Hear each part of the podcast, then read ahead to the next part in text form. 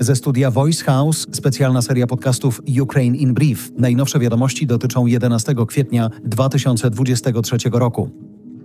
USA próbują zażegnać kryzys po wycieku danych. Chodzi o poufne dokumenty opublikowane w mediach społecznościowych. Ujawnione informacje dotyczą m.in. wojny w Ukrainie. Udostępniono też dane amerykańskiego wywiadu na temat innych krajów. Amerykańscy urzędnicy chcą uspokoić sojuszników z Europy, Bliskiego Wschodu i Kijowa, podaje Politico. Rosja znalazła nowego sojusznika. Taka informacja pojawiła się w jednym z amerykańskich dokumentów, które wyciekły do internetu. Rosja miała nawiązać współpracę wywiadowczą ze Zjednoczonymi Emiratami Arabskimi, pisze agencja Associated Press. Administracja USA odmawia komentarza. Prezydent Ukrainy spotkał się z Richardem Bransonem. Brytyjski miliarder jest teraz nowym ambasadorem United24. To ukraińska platforma do zbierania pieniędzy na wydatki związane z wojną. Informacje podaje Kyiv Post.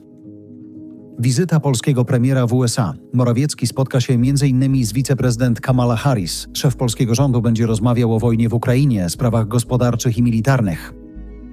W Rosji zacznie działać elektroniczny rejestr poborowych. Powołanym do wojska grozi zakaz opuszczania kraju. Wprowadzono poprawki w przepisach o rejestracji wojskowej, informuje agencja prasowa Interfax. Projekt zmian został opublikowany na oficjalnej stronie rosyjskiej Dumy. Dania przekaże Ukrainie czołgi Leopard. Duński minister obrony zapowiedział, że wkrótce zaczną się dostawy. W ciągu sześciu miesięcy sojusznicy mogą dostarczyć Ukrainie do stu takich maszyn. Dostawcami takich czołgów są też Polska, Niemcy, Kanada, Portugalia, Hiszpania, Norwegia i Holandia. Amerykański dziennikarz uznany za osobę nielegalnie przetrzymywaną w Rosji. Decyzję podjął Departament Stanu USA. Ewana Gerszkowicza oskarżono o szpiegostwo. Strona rosyjska twierdzi, że został przyłapany na gorącym uczynku.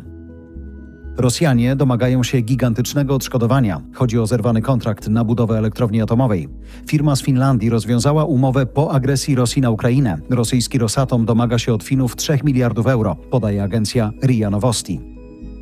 Rośnie liczba chińskich samochodów w Rosji. Światowi producenci aut wycofali się z Rosji po inwazji na Ukrainę. Skorzystały na tym Chiny. Chińskie samochody przeznaczone do sprzedaży to już prawie 40% wszystkich takich pojazdów w Rosji, informuje agencja Autostat.